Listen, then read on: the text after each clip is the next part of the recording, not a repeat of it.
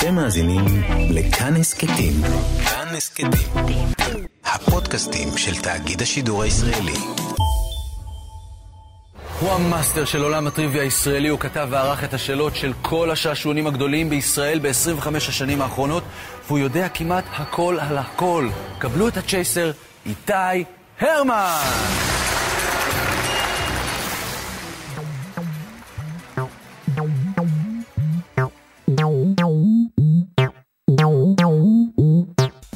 היי, אני איתי הרמן. עד היום עניתי כבר על יותר מ-15,000 שאלות בתור צ'ייסר בשעשועון המרדף, וכתבתי וערכתי יותר מ-60,000 שאלות טריוויה בשעשועונים אחרים. הגיע הזמן שאענה על השאלה הגדולה מכולן. איך אני יודע, לומד וזוכר כל כך הרבה דברים? והיום אנסה לענות על שאלה נוספת. איך אני שולף את המידע ממוחי כל כך מהר? בניסיוני לענות על השאלה הזו, נפגשתי עם מומחים, קראתי מאמרים ושמעתי הרצאות בנושא. בתקופת הצילומים של העונה השנייה של המרדף, שמעתי לפני השינה כמה הרצאות של דניאל קהנמן, הפרופסור הישראלי שזכה בפרס נובל לכלכלה בשנת 2002. תובנות מהספר הנמכר ביותר שלו, שימו לב לשם, לחשוב מהר, לחשוב לאט, שזורות בפרקים שונים של הפודקאסט שאתם שומעים. אבל לא בגלל המחקרים שלו אני מזכיר אותו עכשיו. אני מזכיר אותו בגלל חוויה ממש מוזרה שקרתה לי בהקלטה של מרדף הגמר של פרק 15 מהעונה השנייה של המרדף. נדרשתי לעבור 24 צעדים בשתי דקות, אבל אחרי מספר טעויות מרגיזות, נשארתי עם 38 שניות לסיום, ועשרה צעדים, לא היה לי כמעט סיכוי לנצח. רק אם אצליח לענות מיד על כל שאלה, היה לי סיכוי. אז החלטתי, אם לא אדע תשובה לשאלה, אזרוק מהר ניחוש, כי אין זמן להתמהמה. עיכוב פירושו הפסד ודאי. הזמן התחדש ועידו ירה את השאלות. ידעתי את התשובות לכל השאלות ועניתי מיד.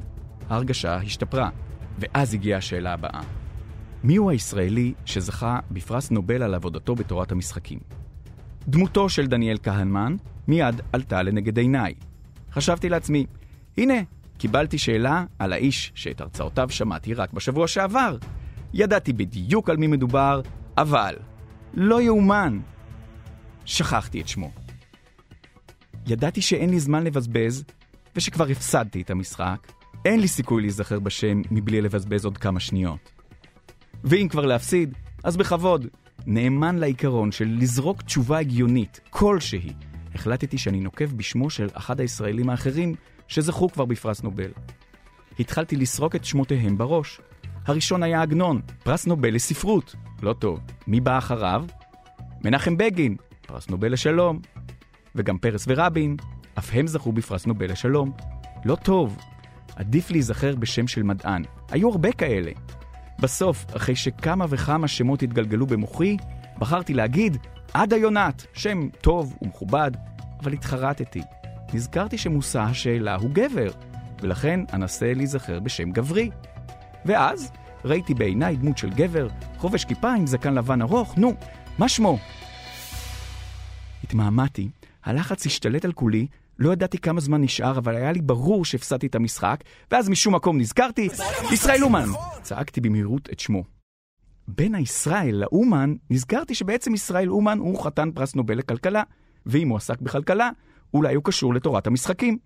משום כך, ומשום שבכל פעם שאני טועה במרדף הגמר, המשחק נעצר, והמתמודדים מקבלים הזדמנות לענות בעצמם על השאלה, החלטתי שברגע שהמשחק ייעצר, אני אבקש מעידו שחדר הבקרה יבדוק, שמא התשובה של ישראל אומן יכול להפעיל להתקבל כתשובה נכונה.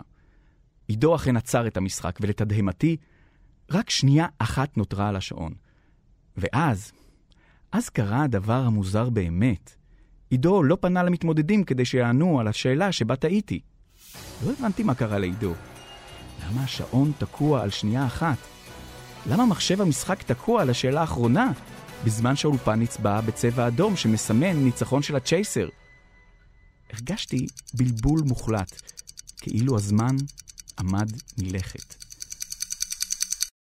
אנחנו עוד נחזור להמשך הסיפור על מרדף הגמר הזה ומה שקרה בסופו. אבל עכשיו נעבור לעניין הבא.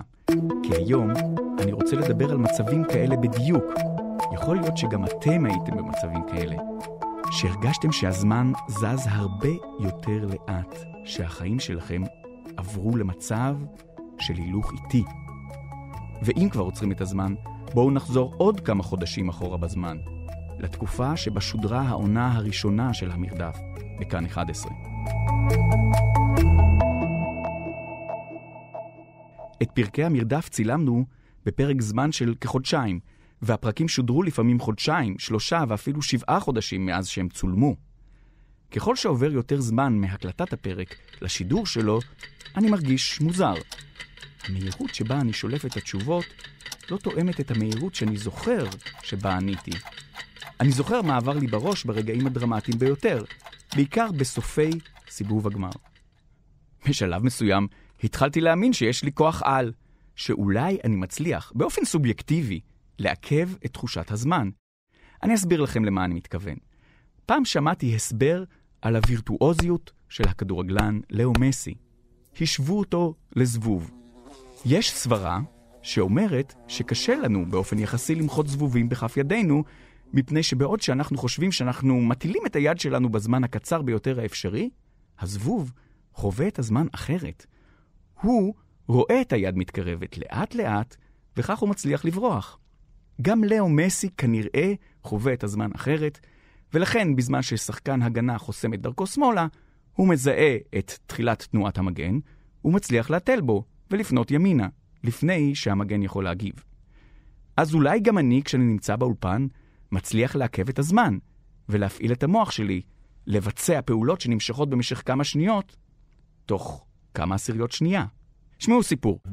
בצהרי שבת אחת נתקלתי בפרק מסדרה של BBC על המוח. ראיינו בן אדם שחווה בדיוק את הדבר הזה, עיכוב בתחושת הזמן. האיש הזה התמחה בצניחה חופשית, שזה אומר שהוא בוחר לו מקומות ממש גבוהים וקופץ, נופל נפילה חופשית, וברגע הנכון צריך לפתוח את המצנח כדי לנחות בשלום על הקרקע. אבל פעם אחת, מיד אחרי שקפץ מפסגת הר בדרום אפריקה, הוא הבין שמשהו לא בסדר עם המצנח שלו. בתוכנית הוא סיפר שהיה צריך לבחור בין שתי אפשרויות. אפשרות ראשונה, לנסות להתרסק על צלע ההר. המשמעות, לא בטוח שהוא יצא בחיים. הוא בעצם גוזר על עצמו נכות קשה, או לפחות פציעה קשה עם שיקום ארוך. אפשרות שנייה, להמשיך ליפול את ה-200-300 מטרים שנשארו לו, למעשה, להחליט לסיים את חייו ההרפתקניים כאן ועכשיו, באופן מוחלט ובלתי כואב. ואז, הוא בחר באפשרות הראשונה. הוא ריסק את עצמו על צלע ההר, בלי יכולת לתקשר או להזעיק עזרה, ואז, הוא סיפר, הוא התחיל לדמם כשכולו כאבי תופת. הוא איבד את ההכרה, ואז חזר להכרה, רק כדי להתענות שוב ושוב. עד שהגיעו לחלץ אותו, חלפו כמה שבועות. האיש עבר שיקום של חצי שנה עד שהשתחרר מבית החולים. הוא ריסק את כל הגפיים שלו וגם כמה צלעות. אפשר להגיד שהיה לו מזל, אבל צריך להגיד, הוא תפקד מצוין תחת לחץ. אז מסתבר שהאבולוציה הביאה אותנו למצב שבו אנחנו מצליחים לתפקד באופן אופטימלי כשאנחנו בסכנת חיים. כנראה שאנחנו צאצאים של יצורים שאותו דבר קרה להם כשאריה רדף אחריהם בג'ונגל. היצורים האלה השתמשו בזיכרונות של כל חוויות חייהם כדי לקפוץ קפיצה מושלמת לענף של עץ שנמצא במקום הנוח, הבטוח והיציב ביותר כדי להציל את חייהם. המפתח הוא אזור במוח שנקרא אמיגדלה, שמפעיל את כל מערכות המוח במצבי לחץ. כל מה שחווינו שמור אצלנו בזיכרונות, אבל בדרך כלל אין לנו גישה לזיכרונות האלה. במצב של סכנת חיים, מתאפשרת גישה לזיכרונות האלה כדי שהמוח יוכל להשתמש בהם כדי להציל את חיינו. זה יכול אולי להסביר למה אנשים שהיו בסכנת מוות מספרים לנו שהם ראו את סרט חייהם רץ להם מול העיניים.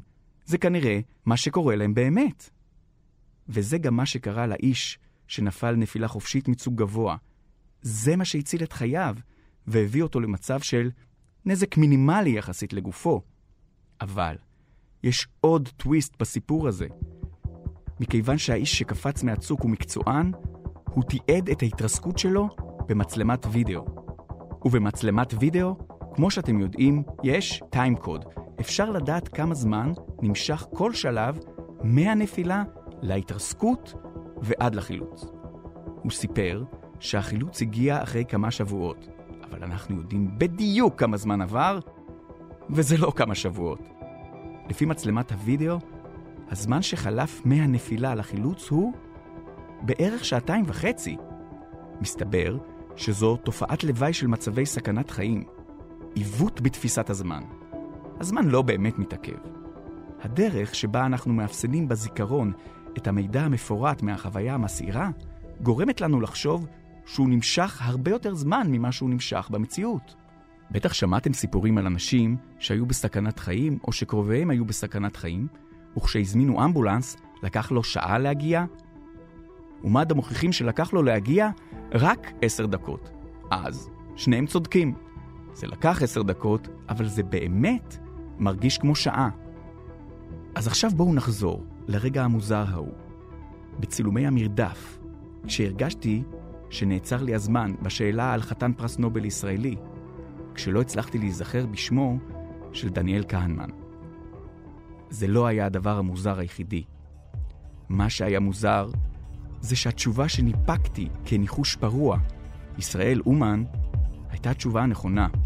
אני ניצחתי את המשחק הזה, בשנייה האחרונה, ואפילו לא הבנתי שזה מה שקרה לי. כי לא יכול להיות שבזבזתי כל כך הרבה זמן ועדיין ניצחתי. אבל הסיפור הרגיש לי עוד יותר מוזר כשצפיתי בפרק כעבור כמה שבועות. את המהלך החשיבתי של ויתור על התשובה שהחשבתי כנכונה, היזכרות בחתני פרס נובל ישראליים, חוויתי ככמה שניות מבוזבזות שבהם עידו חיכה שאספק תשובה. בפועל, הוא נמשך כשנייה. ובכלל, התפרצתי לדבריו של עידו, והוא לא הספיק לקרוא את השאלה כשצעקתי ישראל אומן, ואפילו הייתה לי מחשבה שלמה וקונקרטית בין ישראל לאומן, בזמן שההקלטה מוכיחה שהגיתי את המילים האלה במחובר. ישראל אומן. אז כשצפיתי בסרט של ה-BBC, הבנתי שזה בדיוק מה שקורה לי במרדפי הגמר הצמודים לקראת הסוף. אני יודע לנתח בדיעבד. איך זה שאני זוכר שהמלך מקבט מלך על סקוטלנד? כי למדנו את המחזה בתיכון. אבל איך זה שנזכרתי בזה 30 שנה אחרי? בגלל הגישה לזיכרונות מכל החיים במצבי לחץ. איך זה שאני זוכר מהלך שלם שקרה בכמה שניות, בעוד שבפועל הוא נמשך פחות משנייה? זו אותה תופעת לוואי שדיברתי עליה, מעין באג של המוח, שמשבש את תפיסת הזמן. לקח לי זמן לעכל את המידע החדש. הסתובבתי נרגש כל אותו יום, כי מצאתי הסבר לתופעות שחוויתי. אבל רק בלילה, לפני שנרדמתי, זה היכה בי. המסקנה המתבקשת מהניתוח הזה היא, במרדפי הגמר הצמודים אני בסכנת חיים. הייתי עמום, וניגשתי לשתות כוס מים. טוב, אני לא באמת מרגיש שאני בסכנת חיים באולפן הטלוויזיה, אבל אני בהחלט מביא את המוח שלי לביצועים של אדם בסכנת חיים. אני יודע שלא יפטרו אותי אם אפסיד במשחק אחד. אף אחד לא אמר לי מעולם משהו על זה, אבל שכנעתי את עצמי שאם אפסיד בשלושה משחקים ברצף, אני לא אוכל להמשיך להיות צ'ייסר. כדי לא להגיע למצב הזה, אסור לי להפסיד שני משחקים ברצף. וכדי לא להגיע למצב הזה, אסור לי להפסיד אפילו משחק אחד. אז מה אני עושה? רגע לפני סיבוב הגמר, כשיש הפסקת פרסומות, אני באולפן מכין את עצמי. כל מה שאני עושה זה להגיד לעצמי שאני הולך עכשיו לקרב. אני חושב על גיבורי ספורט שאני אוהב ומזדהה איתם. לאו מסי, קריסטיאנו רונלדו. מדמיין שאני יעל ארד, רגע לפני חצי הגמר בברצלונה, או אריק זאבי, שנאבק על מדליה באתונה, או מוחמד עלי, בכל רגע שלא בזירה. המחשבות האלה עוזרות לי להיות דרוך.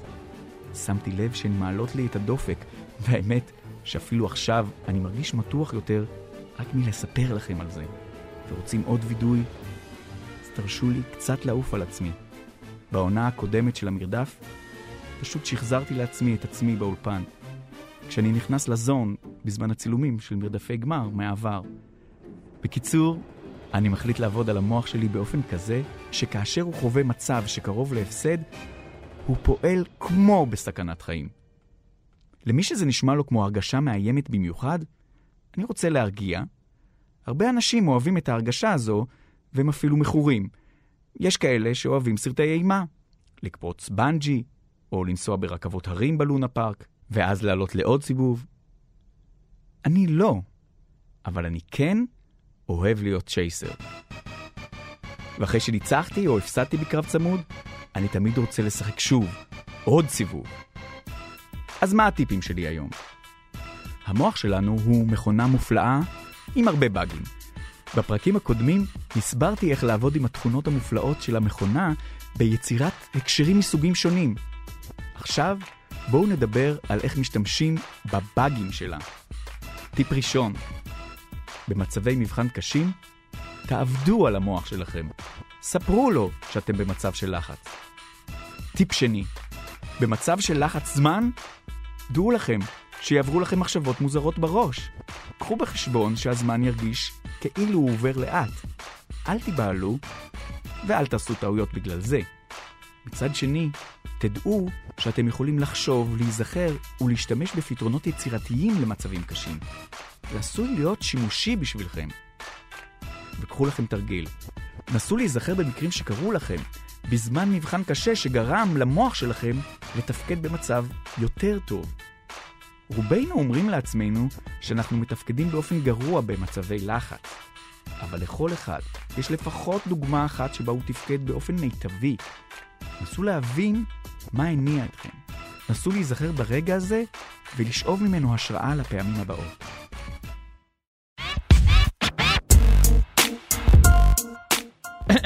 ועד לפרק הבא של הפודקאסט של משחקי המוח, אני רוצה להודות לכל מי שעסק ועזר לו להגיע לאוזניכם. מאיה פלמון, רום אטיק והאחת והיחידה, ירדן מרציאנו.